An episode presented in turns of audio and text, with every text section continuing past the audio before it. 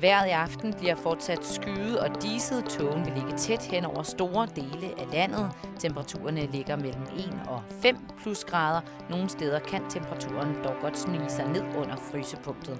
Og det var slut på nyhederne fra Radio 24 /7. Nu er der halløj i betalingsringen med Simon Juhl.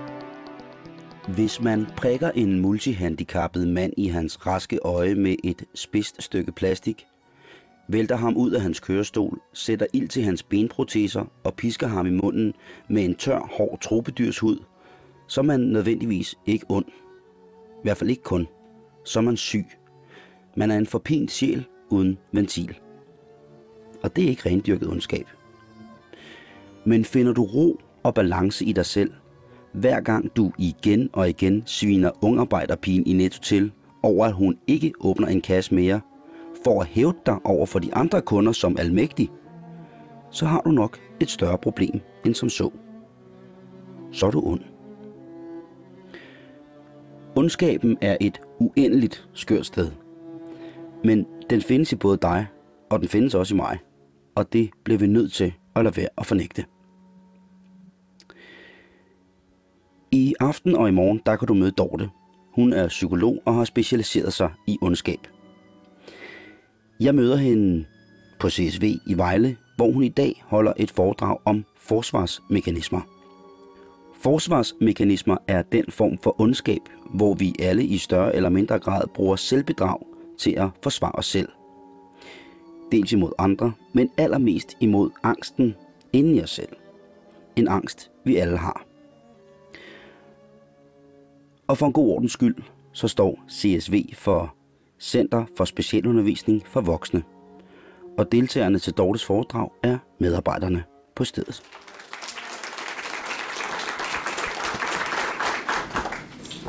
Yes, så er der også lyd på. I må sige til, hvis det er for højt eller for lavt eller et eller andet. Øhm, jamen tak for invitationen, og det er jo rigtigt, det her har været en aftale, der har været længe undervejs, men øh, nu lykkedes det. Og øh, vi har her fra, fra nu og så indtil kl. 18. Øh, det er jo et mareridt for enhver underviser at skulle undervise folk efter frokost. Men øh, vi har allieret os med noget kaffepause her, når der er gået en, en tre kvarters tid, så ser vi, hvor meget vi kan øh, dope os hele vejen igennem. Men øh, som det også er blevet nævnt, så øh, strukturen for dagen i dag, det er, at vi starter med de sunde forsvarsmekanismer, og så bliver det ellers bare mere og mere sygt efterhånden, som dagen skrider frem. Så det tænker jeg, det kan måske også holde, øh, holde det hele lidt i kog, at vi virkelig skal se på den syge del af os, eller, eller andre. Ej, det er de andre, ja. Øh, og det kan man sige, det er også sådan lige, bare lige for at I også kan vide, hvilke eksempler I skal give, øh, og hvordan I sådan skal formulere jer, at vi starter en sund afdeling, så der kan I roligt sådan sige, at det kender jeg godt for mig selv. Så en syg afdeling, så har man så set det hos nogen andre syge mennesker. Ja. Så øhm, øh, sådan som jeg vil øh, gribe det an, det jeg vil sige lidt om, hvad ganske, ganske kort om den teoretiske baggrund for det, sådan at så har vi styr på det. Men ellers det, der kommer til at fylde, det er en lang række af de forsvarsmekanismer, som alle mennesker benytter sig af. Og øh, det vil sige, at forsvarsmekanismer, så siger vi psykoanalysen, så siger vi god gamle Freud. Og øh, Freud er blevet kritiseret for mange der meget, og også med rette. Men lige præcis med forsvarsmekanismerne, der, øh, der holder han altså stadig den gode gamle. Øh, hvis der er noget, psykoanalytikerne kan, så er det altså at, øh, at sige noget fornuftigt om, hvad der sker i mennesker, og noget, det som vi alle sammen kan, helt uden at der er nogen, der har lært os det, så er det sådan noget, vi kan helt uden at vide, at vi kan det. Det vil sige, at alle forsvarsmekanismer, de er fuldstændig ubevidste. Nogle gange kan de sådan blive lidt, hvad, hvad psykoanalytikere kalder førbevidste, sådan at vi kan, vi kan få en lidt en anelse om, og en lidt en forundring over, hold kæft, hvor opfører mig sært lige nu, kan vide, hvad det handler om. Altså, så man lige aner, at nu, nu, er, nu, det, nu er jeg da mærkelig, eller nu reagerer jeg da anderledes, end jeg plejer at gøre. Men ellers, så øh, foregår alt det her ubevidst.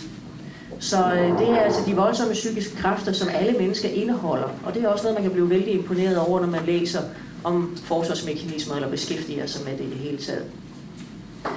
Øhm, det, som det handler om, det, som er hele omdrejningspunktet, det er livsenergi. Det er det, er det som vi skal vende tilbage til igen og igen, øh, som dagen skrider frem. Fordi som det jo allerede blev nævnt, at øh, angst er et øh, grundvilkår for alle mennesker. Der er rigeligt at være bange for. Øh, som det også blev læst højt, jamen så kan man jo meget passende være bange for at dø. Det er alle mennesker.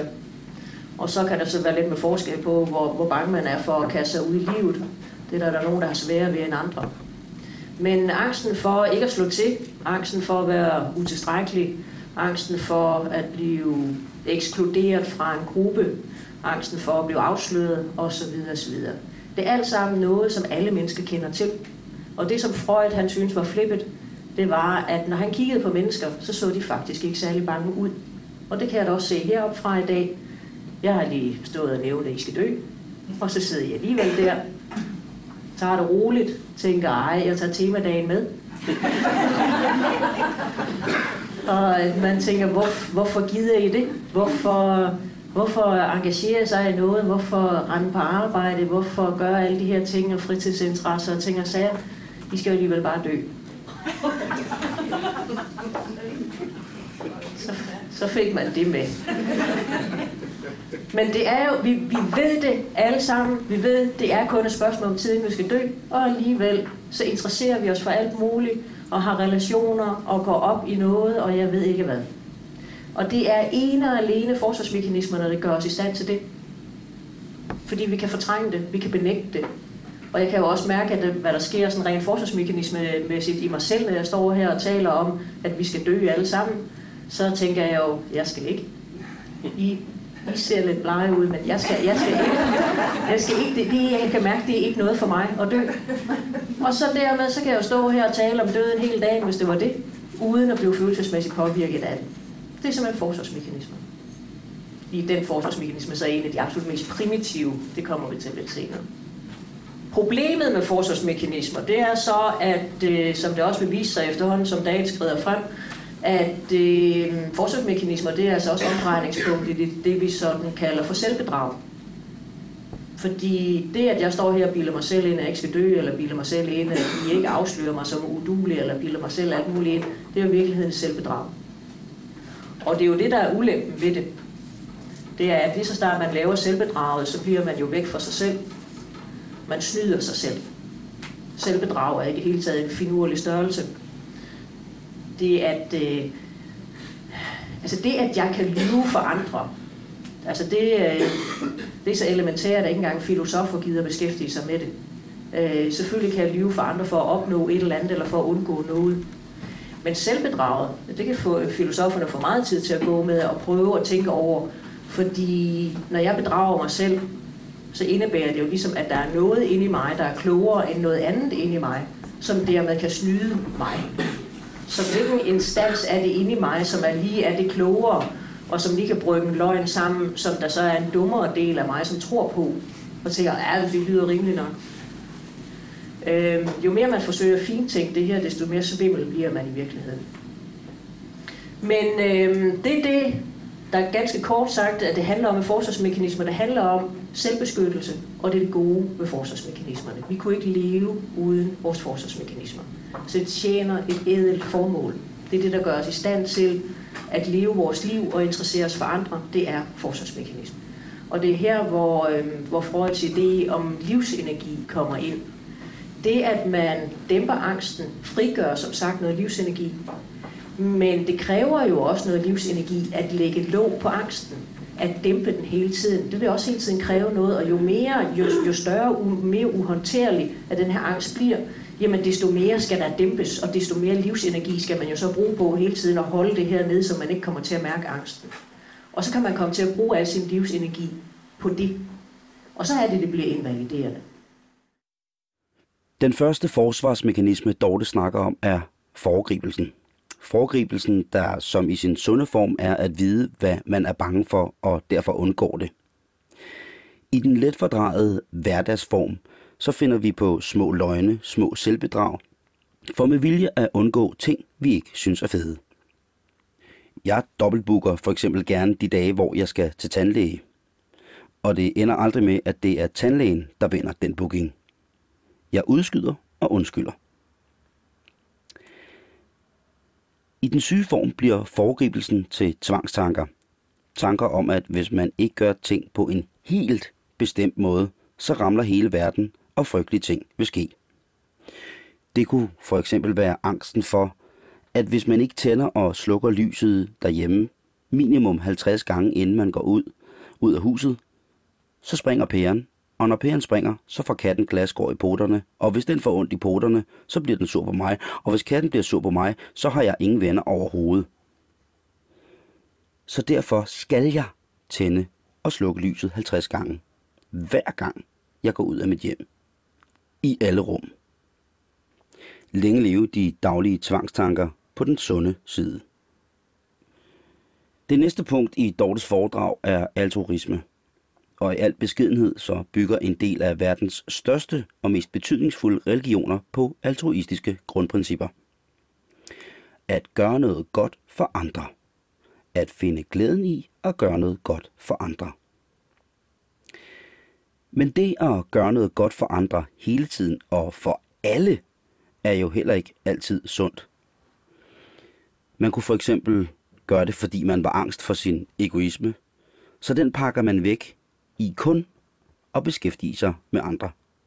Så lige så snart man selv har noget, der snager, så må man absolut straks gøre noget godt for nogle andre. Og hvis man tænker den til enden, så burde det ikke være svært at se, at det også har en sort, ja, ond side, hvis man kun gør noget godt for andre. Og så når vi til et punkt, som fanger mig endnu mere. Lige pludselig skal det handle om noget, jeg nok selv kender lidt til. Samme gør sig gældende for næste punkt. Det er humoren. Øh, I forhold til, jamen, hvad, hvad er det med den her humor? Fordi øh, den kender vi øh, som noget vældig socialt og vældig forløsende. I kender alle sammen den her humor, som vi bruger, øh, efter vi har været enormt presset, og vi er faktisk blevet bange, eller der har været en voldsom episode, at så er der det her sådan brøl af latter efterfølgende, fordi huha, nu skal vi lige huh, have alt det her frygtelige noget til at gå væk, og, og, den, og fidusen ved humor, det er, at man tager det, som man er bange for, og så griner man af det. Og dermed får man så behageligt distanceret sig fra det, som man i virkeligheden er bange for. Det er fidusen ved humor. Og så samtidig, når det bruges på den sunde måde, så kan det være noget af det, der virkelig skaber noget fællesskab. Det, at man oplever, at, at vi griner sammen, jamen så har vi da stadigvæk noget, og ser stadigvæk ens på noget, og der er altså et enormt fællesskab. Så I kender det forløsende ved, at, øh, at have en ordentlig brølelatter af et eller andet, og så sådan et huha, så kan man lidt igen. Det gav, det gav lige luft. Men det findes jo også både i den sære og i den syge version, den her humor. Øh, vi har endda begreber for det. Vi har begreber som sort humor og galgenhumor, øh, hvor, øh, hvor det sådan i, øh, i bedste fald bliver sært. Hvor vi siger noget og griner af noget, men det er reelt ikke sjovt sådan. Øh, eller man har sådan sine rutinejokes, det har I sikkert også her på stedet, sådan nogle ting, så, så siger man lige det her, og så griner alle øh, sådan rutinemæssigt. Fordi, Åh, ja, den var sjov, jo. For 10 år siden, og det er den vel i princippet stadig, øh, hvor, man, øh, hvor det bliver så lidt mere hult. Det bliver ikke sådan den der, den ægte latter. Det bliver ikke sådan, at det øh, øh bobler i maven af, at det her det er sjovt, men det bliver mere sådan noget, ah, ha. Og så, ja, så var det vel også lidt forløsende og alligevel ikke. Det, det begynder at blive sært lige der.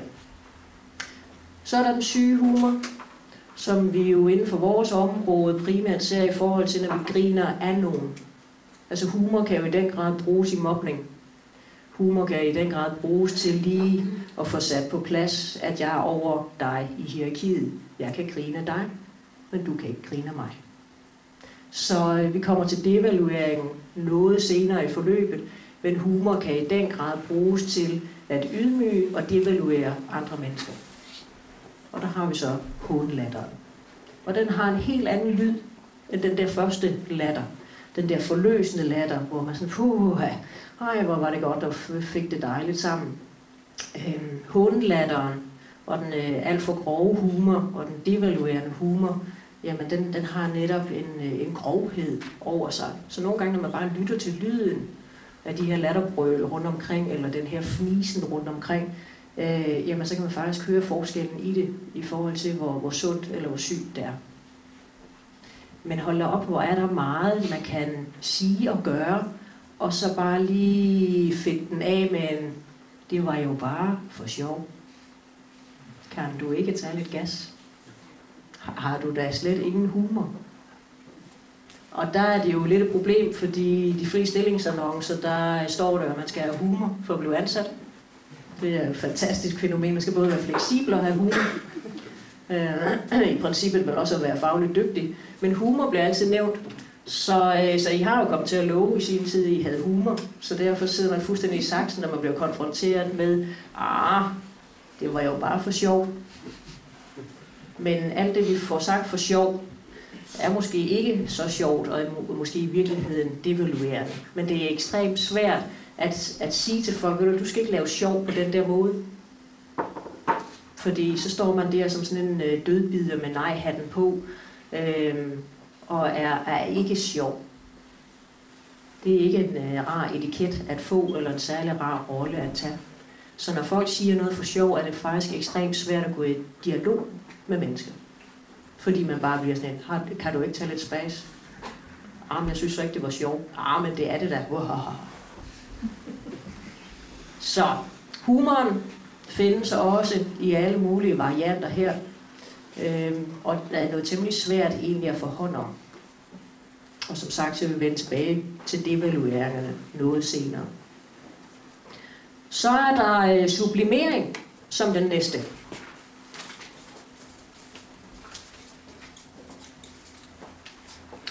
Sublimering, det er, at man, man tager angsten og alt det ubehagelige, og så omsætter man det til noget konstruktivt.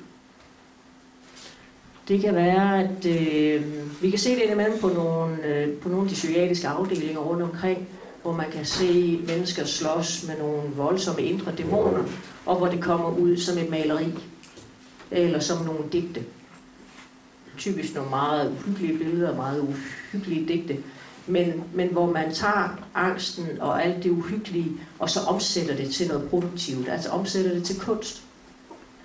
Øhm, anden klassisk eksempel på, hvor man bruger sådan en, en, i en sund øh, version, det er, når øh, mennesker bliver ramt af, af en dyb sorg, at de så arbejder helt vildt. Altså så skal der arbejde, så skal man arbejde 80 timer om ugen, eller 90, eller hvor meget det nu kan være, man arbejder alle vågne timer, og man er hele tiden i gang, hvor man kan sige, at man, man, tager jo, man tager jo al den negative energi, og så bruger man den til noget, og det er jo angstdæmpende i sig selv.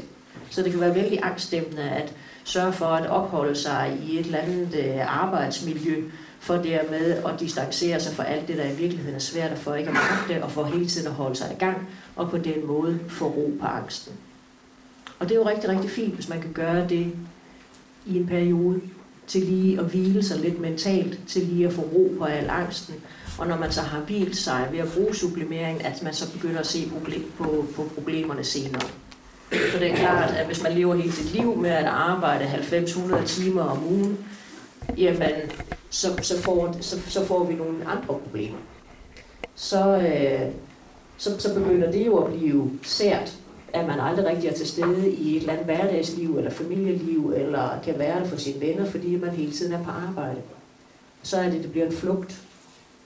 På samme måde med kunsten, at man kan bruge så meget tid og energi på at, at, øh, at dyrke kunsten, at det bliver sært, fordi at man er slet ikke tilgængelig for nogen andre mennesker. Og hverdagslivet falder fra hinanden, fordi det hele bliver opslugt i musikken, eller digtene, eller øh, hvad det nu ellers kan være et, et evigt, en evig udfordring at prøve at se på vores psykiske arbejdsmiljø. Og der må man da se indimellem på nogle sikkerheds... Øh, hvad hedder de nu? Arbejdsmiljøkonsulenter, hvad de nu? Øhm, og i det hele taget på personale, som så snakker meget mere om, øh, om det fysiske arbejdsmiljø. Fordi det er meget nemmere at snakke om, det er meget nemmere at se på, om ledningerne hænger på en måde, som man eventuelt kunne der være der nogen, der kunne snuble i dem, eller se på øh, lifte eller forflytninger, eller alle de der forskellige fysiske udfordringer, der kan være. At man så skifter fokus, og så bruger meget energi på det, for så at slippe for at se på alt det, der måske kan være nogle problemer med mobning, fordi der er noget personale, der har langt syge fravær, og sådan noget, der egentlig begynder at køre nogle rygter. Altså det er meget nemmere at snakke om ledninger, end det er at tale om, at der måske i virkeligheden foregår noget mobning. Så der kan vi også se nogle tendenser til sublimering, som nok i virkeligheden mere er lidt sære. Og øh, inden for vores område sådan generelt kan jeg da se, at der bliver der lagt en voldsom energi i at få udfærdigt værdigrundlag. Jeg ved ikke, hvor meget I har bøvlet rundt med det, men hold da op, hvor bliver der rundt omkring øh, øh, brugt energi på det. Og der bliver skrevet, og der er gjort det ene og andet. Og nogle, nogle kommuner, de har trykt deres værdigrundlag på en plakat. Så, så har de brugt energi på det. Og det kan man sige, det er jo, ja, det er da vældig. Øh, og nogle, de har det på nogle kaffekrus, har jeg set. Og så står der så åbenhed og respekt og sådan noget på et kaffekrus. Nogle har det også nogle kuglepinde, de går og uddeler på værdigrundlag på. Sådan bare lige, så har man det. Men jeg ved ikke, om vi egentlig bliver ret meget bedre mennesker af det. Uanset om det er på kuglepinden, eller kaffekopper, eller plakater rundt omkring. Jeg kan bare se, at der bliver lagt en voldsom masse energi i at udfærdige sådan noget på skrift og på plakater, i stedet for måske, at man snakker om det i praksis, der hvor det i virkeligheden er svært, at tale om, hvad er det, hvordan er det egentlig, vi opfører os over for hinanden. Hvad er det egentlig for nogle værdier, vi har. Og så er det meget nemmere at sublimere det over i, at man får lavet nogle rigtig, rigtig flotte beskrivelser med en hel masse store ord. I falder bare ind med eksempler eller spørgsmål. Så har jeg faktisk spørgsmål. Ja. Det er forhold til humor øh, for før. Når det nu er over i den syge afdeling, øh, det kan jeg godt lide. Øh, hvem, hvem beskytter man? Dem, der nu øh, udøver den, den, den, den syge humor, hvem, hvad er det, de beskytter sig imod? Så, altså, når de bruger det som forsvar, forsvarsmekanisme, hvad beskytter de sig imod? Andet end, at de bare er dårlige komikere. Jamen, det er jo en eller anden form for angst. Øh, hvad angsten er for, det, øh, det vil jo være forskelligt, alt afhængig af, hvad, hvem, hvem det er, der fyrer forskellige syge jokes af. Øh, jeg har indimellem mødt nogle mennesker, som var meget glade for hele tiden at fyre nogle seksualiserende jokes af. Og så er man, så, øh, så er man da lidt på sporet af, hvad det er, de er bange for. Der er der et eller andet i eget sexliv eller egen øh, seksuel formåen, øh, som, øh, som vedkommende har noget angst forbundet med. Om det er noget uformål, eller noget uforløst, eller noget et eller andet. Det kan man jo ikke vide, før man begynder at snakke med folk om, hvad det egentlig er. Men, men det er da noget, hvor man sådan med frøjt i hånden kan tænke, hmm, hvorfor har du brug for at sige det, min ven? Men jeg har faktisk, øh, i forhold til det her med de seksualiserende jokes, så har jeg, jeg har indimellem som supervisor, så har jeg fulgt nogle personalegrupper, som sådan var øh, rimelig sunde og raske og noget. Og så hvis der er kommet et, øh, en borger ind, som er vok, øh, voldsomt seksualiserende, og hvor der taler om det sted sexikab, så sker der et skift i humoren. Altså så bliver det typ, øh, typisk sådan nogle under bæltestedet jokes, der lige pludselig kommer til at være fordi det er svært at håndtere sexikaber. Og det er noget, som gør os alle sammen bange. Og så er det jo, at jeg kan opleve, at, at folk siger ting, som overhovedet ikke er sjove, og hvor man så, hvor man så alligevel man skal grine.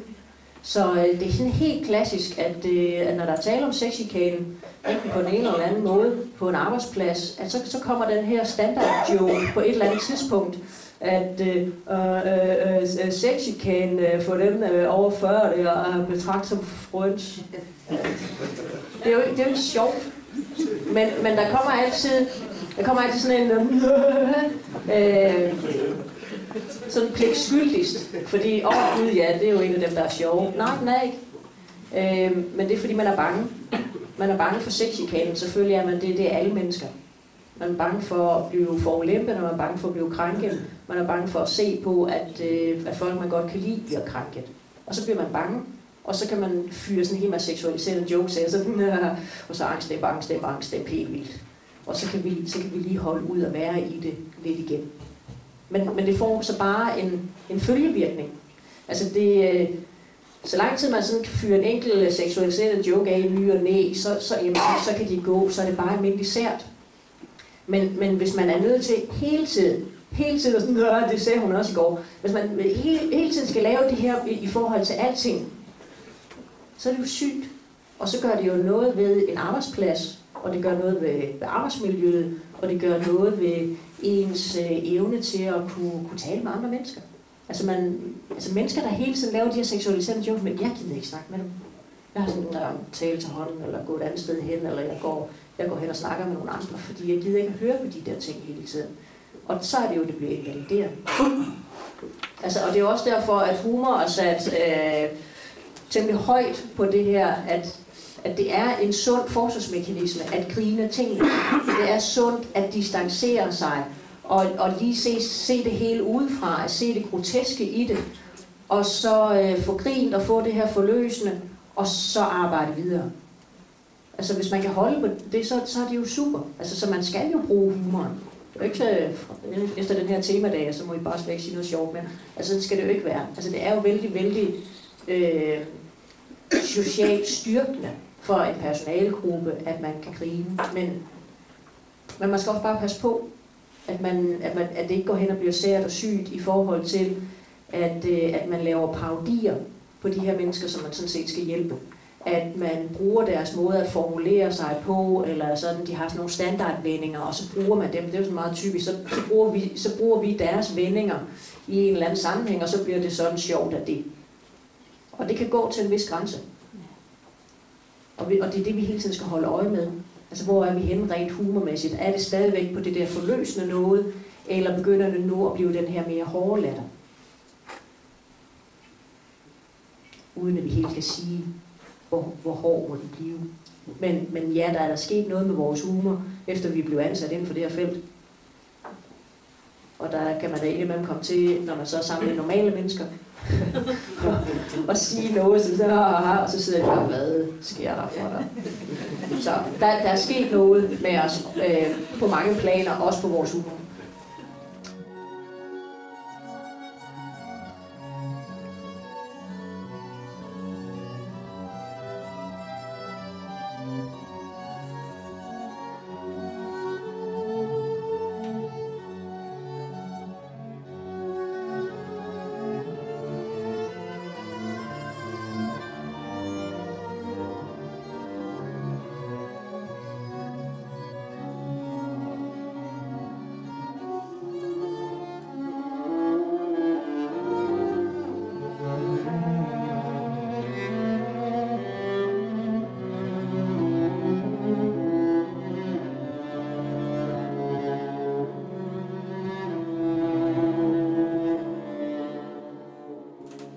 Nok være, fordi jeg har forsvarsmekanismer, og øh, havde en fælles forundring over fortrængning. Øh, det kan jo så blive værre end det, fordi nu begynder vi sådan for alvor at komme, øh, komme i den primitive afdeling af forsvarsmekanismerne. Øh, nu må det sådan bare blive værre og værre dernede af. Den næste, jeg vil nævne, det er benægtelse. Øh, kan jo på nogle områder minde om fortrængning. Øh, men benægtelse er lige en tand værre, fordi at man går ind og benægter virkeligheden. Man går ind og tager det, som man er bange for, det som eksisterer, og så, øh, og så siger man, at det findes ikke. Det er benægtelse. Så man siger, at det er det onde, eller det man er bange for, at det er der slet ikke, og så er der jo ikke noget at være bange for. Og på den måde virker det angstdæmpende. Men en ting er med fortrængningen at glemme noget, at sørge for at glemme det, at sørge for ikke at tænke på det. Men benægtelse bliver lige tand værre, fordi man så går ind og siger, nej, nej, sådan er virkeligheden ikke, den er jo øh, helt, helt anderledes. Det vil sige, at man brygger en anden historie om, hvad virkeligheden er. Man glemmer det ikke bare, men man skaber en ny virkelighed. Og derfor så bliver benægtelsen lige en tand værre. Hvor fortrængningen handler om hukommelsesproblemer, ubevidst, så benægtelse handler om erkendelsesproblemer. Og det er jo det, der kan være enormt frustrerende, når man møder benægtelse hos andre. Det er, at man, man, kan ikke, man kan ikke vinde en argumentation. For det eneste gang, man siger, ah, prøv nu, prøv nu at se, der er jo sådan, sådan, sådan, sådan. Nej, Det er det ikke. Sådan, nej, det oplever jeg slet ikke. Og, men der var jo sådan og sådan, og så sagde du selv sådan, nej, det sagde jeg ikke. Og det hørte jeg. Ah, det var ikke det, jeg sagde. Ah, vi har faktisk, og så på referat har vi også, at du sagde sådan og sådan. Ja, det må jeg have misforstået. Altså det er jo, og det, og det er der, hvor man kan blive så frustreret, når man er overfor et menneske, der benægter, at det er så nemt at forvalte. Benægtelsen er jo nem. Man kan bare sige, nej, det har jeg ikke sagt. Nej, det var ikke sådan, det var. Nej, nej, nej, nej. Og så kan man stå med alle sine talenter og argumenter, men der er jo ikke noget af det, der virker. Tværtimod, man vil jo bare angstprovokere folk. Altså, fordi hvis de er i gang med at bruge en benægtelse, så er det fordi, at de er bange for noget. Og hvis man så angriber benægtelsen, så gør det jo bare, at de må gøre det mere og mere massivt og benægte mere og mere, og det bliver i virkeligheden mere og mere farligt for dem. Så man kan få så meget lyst til at konfrontere folk, og det må man ikke. Punktum. Fordi det gør bare, at de benægter endnu mere, og de kommer endnu længere væk fra virkeligheden. Så, øh, så det er noget svært noget at have, have med at gøre, men det er jo ikke kun mennesker med, med, med diagnoser og med forskellige problemer, som benægter. Det kan vi andre så sandelig også finde på. At når jeg bruger de her forsvarsmekanismer, så er det fordi, jeg er bange. Og så arbejder jeg bare på at få den her angst væk. Og det har sådan set ikke noget med jer at gøre. I er bare sådan tilfældigvis jo i rummet samtidig med mig. Så derfor så kommer I til at høre nogle af mine forsvarsmekanismer, eller til at mærke nogle af mine forsvarsmekanismer. Det har ikke noget med jer at gøre. Det, det er, jeg prøver bare at dæmpe min egen angst. Altså så forsvarsmekanismer er jo vældig indadvendt noget, vi gør. Det får så bare også nogle konsekvenser ud til. Men, men det er ikke for at ramme nogen, det er ikke for at irritere nogen, det er ikke for at tage energien fra andre. Det er bare for, at jeg kan holde mig selv ud. Fordi selvom vi ikke kan forstå, hvad selvbedrag er for noget, altså det, det fatter vi ikke, at filosofer de skriver som sagt løs om, hvad selvbedrag er for en størrelse, og hvordan vi kan gøre det og sådan noget. Det fatter vi ikke. Men vi ved godt, hvorfor. Altså vi ved godt, hvad formålet med selvbedrag er. Altså jeg, jeg laver mine selvbedrag med det formål at kunne blive ved med at kunne lide mig selv. Det er det. Det er for at kunne holde af mig selv, at jeg lever det her selvbedrag. Så hver eneste gang, at jeg gør et eller andet, for der kan jeg egentlig ikke lide mig selv, når jeg er sådan, så er jeg nødt til at køre en selvbedrag for at kunne blive ved med at kunne lide mig selv. Så, så vi kender formålet, det er egentlig ganske enkelt og logisk. Det er så stadigvæk helt, helt, hvordan vi gør det, men forsvarsmekanismerne spiller i hvert fald en afgørende rolle i selvbedrag. Ja, nu bliver det mere tricky, fordi nu skal vi tale om projektion.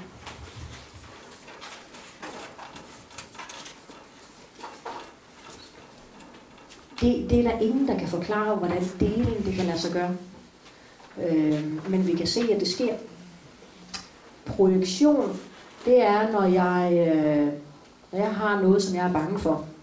Det kunne være angsten for at være udulig. Angsten for ikke at være god nok. Den kan jeg altså gå og kæmpe med, og den kan jeg ikke holde ud at have. Så kan jeg ubevidst vælge at projicere det sådan at jeg tager hele min utilstrækkelighedsfølelse og lægger ud til jer. Så er jeg af med den.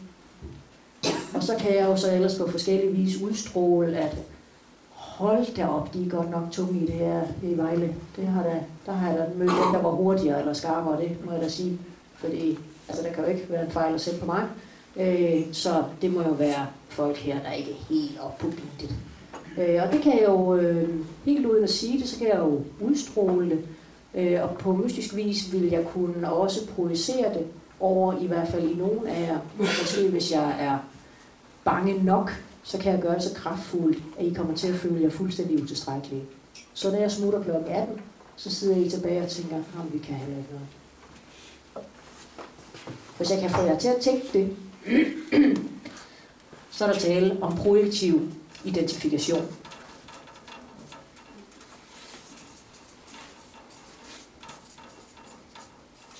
Hvor projektionen altså er, at jeg skyder det ud væk fra mig selv. Jeg kan ikke holde ud at have det, så ud, ud med det.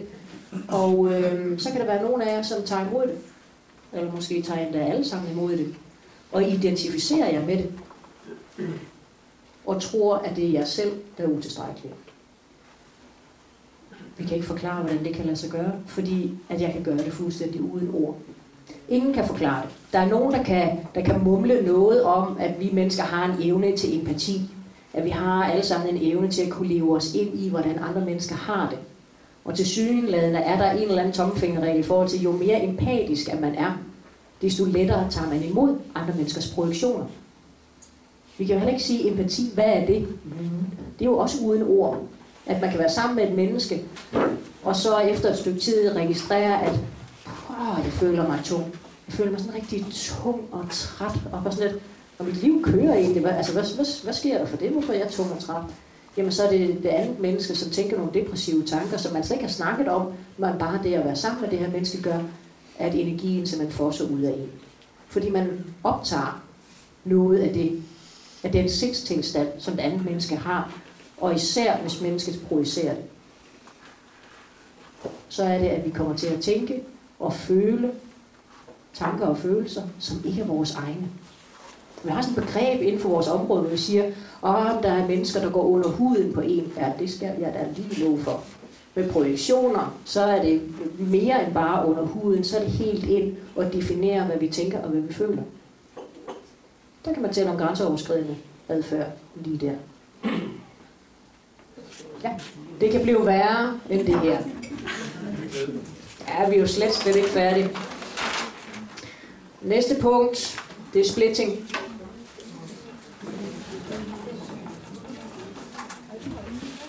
Den har I med garanti hørt om. Øhm, det er faktisk den eneste forsvarsmekanisme, som der har været hele temadage i inden for vores område. I 90'erne, der var splitting moderne, eller, eller altså, temadage om øh, forsvarsmekanisme. Man har faktisk aldrig øh, hørt om temadage, sådan en, en hel dag om fortrængning. Det kunne måske også blive lidt specielt. Men øh, med splitting er der altså noget, som man har sat rigtig meget fokus på. Og som altid, når der er øh, øget fokus på et bestemt fænomen, så er der også folk, der kommer til at løbe med en halv vind. Fordi så er der nogen, der har hørt om nogen, der har hørt om nogen, der har gang været på en tema, der de sagde vist nok noget med. Og, øh, og så begynder tingene at blive udvandet. Lidt på samme måde, som vi har begrebet stress i øjeblikket. Det bliver også brugt til alt muligt, som det ikke er.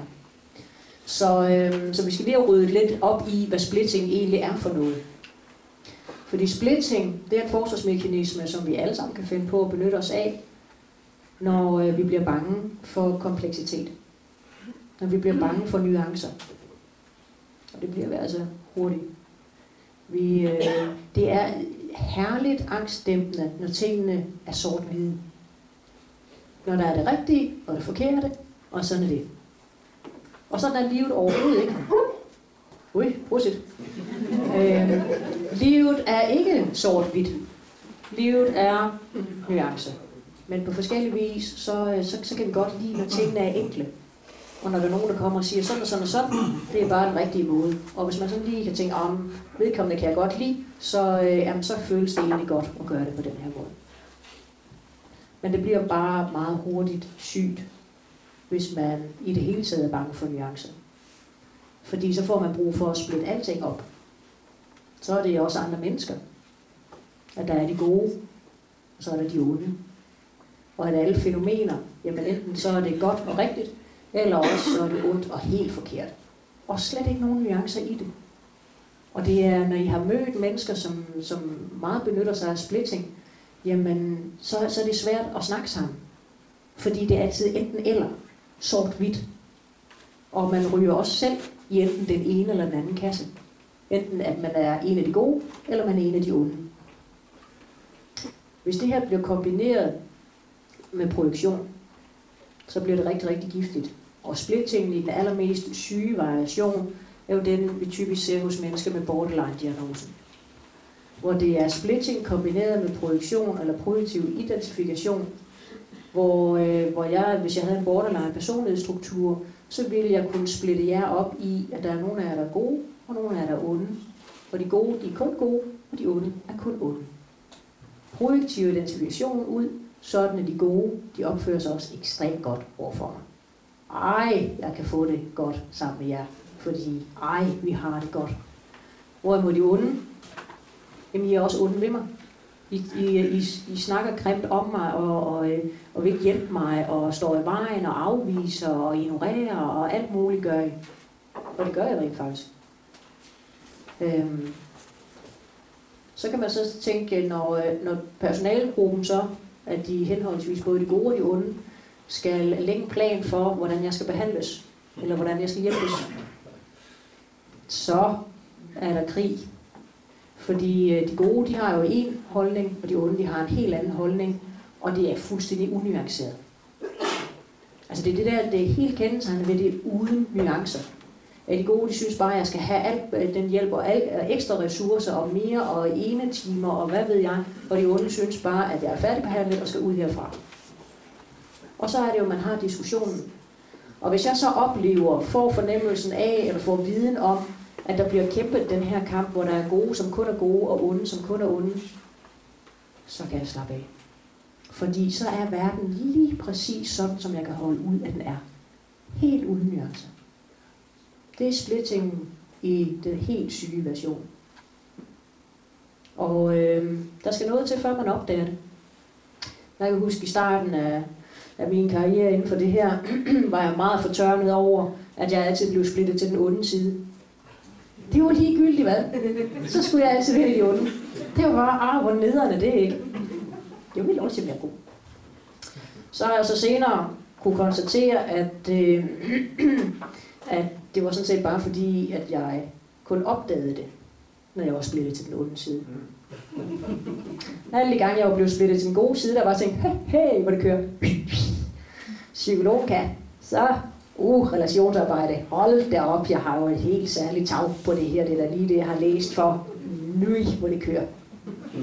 Og så er der en hel masse, de kan overhovedet ikke finde ud af det, mand. sådan er det jo. Øh. Nå, det bliver værre. Så de er der så begynder at tænke, stopper hun aldrig, så øh, jeg vil sige, der er to, to forsvarsmekanismer tilbage. Det er de to mest primitive overhovedet. Den ene, den er devaluering. Det nævnte jeg også i sin tid i forhold til humor, at, øh, at det kan man bruge vældig devaluerende. Devaluering betyder, at man nedgør noget eller nogen, for dermed jo at hævde sig selv. Devaluering handler om mindre værd i bund og grund. Angsten for at mærke sit eget mindre værd. Så får man lyst til at devaluere nogen eller noget. Og ved at lige at nedgøre nogen, så får man jo lige sat sig selv i et lidt bedre lys. Og det er jo vældig, vældig angstdæmpende i forhold til mindre mad. Og det kan man gøre på mange forskellige ledere kanter. Man øh, kan jo igen sådan samfundsmæssigt undre sig over så mange tv-programmer, som handler om devaluering. Hvor, øh, hvor vi for en hvad, 5-10 år siden, så var det udelukkende med tykke mennesker eller madprogrammer. Øh, nu er det devalueringsprogrammer fra en kant af. Der er det ene program efter det andet med folk, som er dumme til noget. Ja, det er simpelthen det. Man skal, ikke, øh, man skal, man skal helst ikke have talent, man skal faktisk helst være rigtig dum og dårlig. Det, det er godt fjernsyn. Fordi så kan vi sidde derhjemme i sofaen og hygge devaluere. Og sådan tænke, ja ja, se det, de kan ikke danse. De kan heller ikke synge. Det kan jeg godt nok heller ikke. Jeg går i hvert fald ikke fjernsyn med det. Nå. Og så kan man så se, nå, der er nogen der, de kan ikke øh, finde ud af deres økonomi. Og dem der, de kan ikke finde ud af at rydde op i deres hus. Og dem der, de er for tyk til at få børn. Og det er det. Altså, og det er jo ikke engang noget, man kan finde på, alle de her ting. Det er, det er jo bare sådan nogle tv-programmer, der er. Så man kan simpelthen spole rundt i devalueringsprogrammer. Men øh, hvem siger det noget om?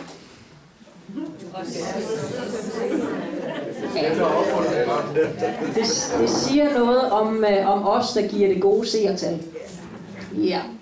Øh, og det siger noget om behovet for, øh, for devaluering, for at øh, angstdæmpe sig selv i forhold til, at man kan være i tvivl om, at man er god nok, og man lever det rigtige liv, og man har alle ting, og man øh, også øh, man har ekstremsport nok, og man har et design i sin have, og, og, og så kan man så føle sig udulig, og så kan man så nu lige slappe af med at se, at der er nogen, der er væsentligt dummere og grimmere og tykkere og alt muligt end en selv, og så, ah, så kan man lidt igen. Så kan man klare weekenden efter lige en times devaluering fredag aften. Og så, puha, dejlig angstdæmpende. Det er jo det, det er. Ja, man hører stadigvæk sig selv devaluere andre mennesker. Det gør altså noget ved os, at vi kan opleve os selv gå og tale rigtig grimt om andre mennesker, bare fordi de ikke er til stede.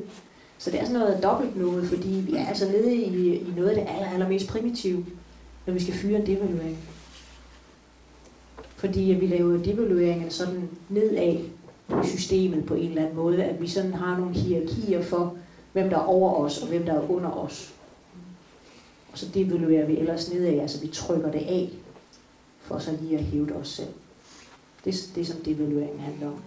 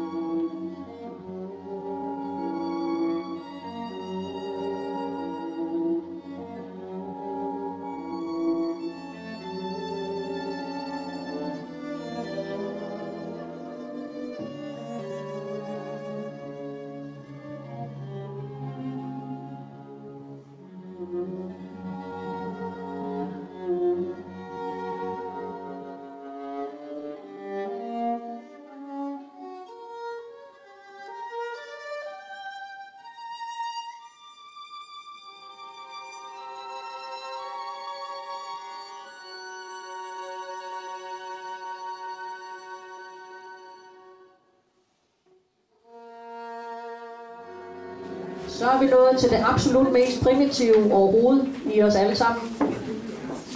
Omnipotensen er det sidste, der skal nævnes. Og øh, omnipotensen går faktisk temmelig hyppigt øh, hånd i hånd med devalueringen. At øh, devalueringen, det er, når man nedgør andre for så at hæve sig selv. Omnipotens, det betyder at være almægtig, eller føre sig frem som om man er almægtig, at være omnipotent. Og det er på samme måde som devaluering, så handler det jo om angst for, øh, for sit eget mindre værd. For at prøve at angstdæmpe, at man ikke er noget værd, at man ikke har ret til at være i den her verden, at man i hvert fald ikke er lige så meget værd som alle mulige andre mennesker, jamen øh, så kan man vælge omnipotensen som en forsvarsmekanisme, som går ud på at puste sig op på forskellige vis. Og øh, man kan jo føre sig omnipotent frem på mange måder. Man kan for eksempel fortælle historier om, hvor dygtig man er, eller hvor fantastisk man er, eller hvor meget man har oplevet her i livet. Og der er nogen, der fortæller et eller andet storslået, så kan man stikke den, fordi man har lige oplevet det, der var lige det mere storslået. Det er vildere, det er større, hele vejen igennem. Det er omnipotens. Det var også omnipotens, jeg benyttede mig af, da vi lige mødtes her. Og jeg stod og talte om døden, og jeg tænkte, at det skulle jeg ikke. Det er jo også totalt omnipotent, og tænke, nej, jeg skal ikke dø. Det er ikke noget for mig. Så hver eneste gang, at man sådan tænker, ej, det der, det der, ej, det er ikke noget for mig, det her, ej, sådan noget, øh, sådan noget kedeligt noget, det vil jeg ikke have noget med at gøre, det beslutter jeg lige her og nu. Handlingslappelse, nej, det, ej, det er heller ikke rigtigt noget for mig, kan man øh, så, så det er jeg ikke. Jeg er omnipotent i stedet for når vi oplever det der i helt ekstrem grad, så begynder vi sågar at kunne møde det som en personlighedsforstyrrelse. I den helt ekstremt syge grad af omnipotensen, der taler vi om narcissisme. Det er sådan der. Så, så, så snakker vi diagnoser. Hvor, hvor det er hele udgangspunktet for narcissisten er et ekstremt mindre værd. Altså så lavet et selvværd, at det, vi, vi andre kan jo slet ikke forestille os det. Men et, et ekstremt mindre værd, som gør, at vedkommende hele tiden er nødt til at puse sig op og skabe en falsk facade af at være en anden, end den man i virkeligheden er, for at kunne holde sig selv ud. Det er jo hele tiden det, det handler om. Dæmpe angst, og på en eller anden måde holde sig selv ud, eller kunne lide sig selv.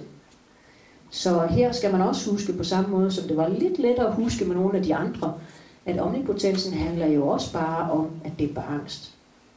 Når jeg er omnipotent, så er det jo ikke for at genere jer, og jeg tager jeres tid med lange historier om min fortræffelighed. Jeg snakker med mig selv. Jeg prøver at fortælle mig selv, at jeg er god nok. Og der hvor i den helt ekstreme grad hos narcissisterne, jamen der kan vi jo møde, at når man så spørger narcissisten, jamen hvordan er du, og hvordan virker du på andre, så vil de sige, jamen jeg er jo ekstremt føjelig. Og så kan man så kigge rundt på deres omgivelser, så bare lidt, what? Føjelig. Nej, du snakker hele tiden, du fører dig frem, og du er verdensmester i det ene og det andet, og det var da utroligt, som du altid skal fylde i alting. Men det er ikke sådan, de oplever sig selv. De oplever sig selv som bitte små mennesker, som bare prøver at puste sig op, så de bliver næsten fylde, kommer til at fylde næsten lige så meget, som alle andre gør. Men udefra se, der kan man bare se sådan en fuldstændig opsvulmet ballon, hvor man kan få lyst til lige at stikke en nål i ballonen. Kender I den trang? Man får lige lyst til at sige, øh, du er sgu da ikke for smart. Bare lige for at se ballonen. Det må man ikke. Nej. Forbudt. Man må ikke ødelægge folks forsvarsmekanismer, det må man ikke. Men, men den der primitive trang, man kan få, altså det, man kan virkelig mærke det primitive, både i devalueringen og omnipotensen. At når man oplever, at andre mennesker benytter sig af de her forsvarsmekanismer, at man selv bliver så primitiv. At ved, ved omnipotensen, at man får lyst til at ydmyge det her omnipotente menneske. Man får lige lyst til at sige, ja, ja, ja, det kan da vist ikke passe. Det, den der historie, du fortæller nu, det øh, hænger ikke sammen med den historie, du fortalte den anden dag. Altså, hvad skal man sige sådan noget for? Men det er sådan, det er sådan en trang, primitiv trang, man får for lige at fyre en devaluering. Det at føre sig frem med noget, eller lige føre en kæk bemærkning, eller være lidt festlig eller noget, det kan man sige, det er omnipotensen i den, i den okay sunde version. Men så er det det der med, jamen hvornår er det, det bliver sært, og det bliver det ret hurtigt, når man har brug for at fortælle om sin egen fortræffelighed, eller brug for hele tiden sådan lidt, og så må jeg klappe mig. Øh, hvis man har brug for det hele tiden, så, så, så bliver det hurtigt sært, det bliver lynhurtigt sygt, fordi man så kommer til at bruge hele sit liv på at Kig på mig, kig på mig, se, se, jeg kan også noget, jeg er også lidt dygtig. Så når man jo slet ikke sin, sin hverdag og sine relationer. Og det er noget, som virkelig ødelægger relationer.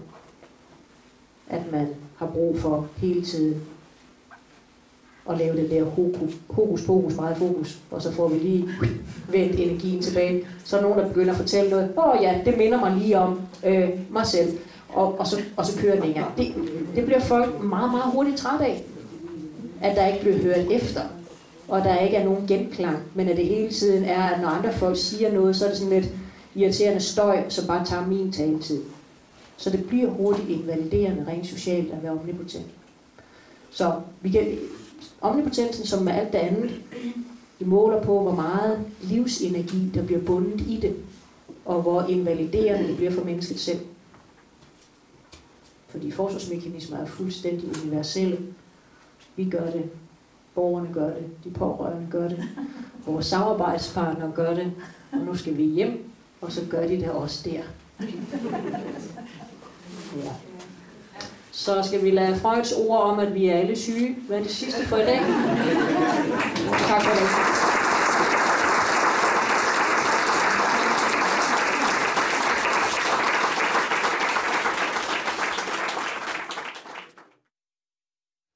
Temaforedraget Forsvarsmekanismer af psykolog Dorte Birkmose varede den aften i Vejle 5 timer. Og man keder sig på intet tidspunkt. Jeg sad som en blot og følte mig under og under. Og i slutningen af foredraget var jeg sikker på, at jeg var omnipotent. Sikker på, at jeg laver projektion.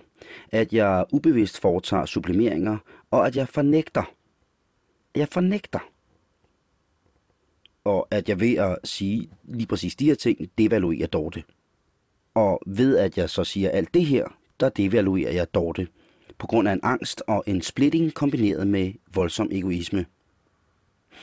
Hmm. I morgen aften, der kan du høre, hvordan det går, når jeg får Dorte på besøg til en snak i autocamperen. For ondskaben, den slutter selvfølgelig ikke her. Nej, rent faktisk, så slutter den aldrig. Ha' en god aften.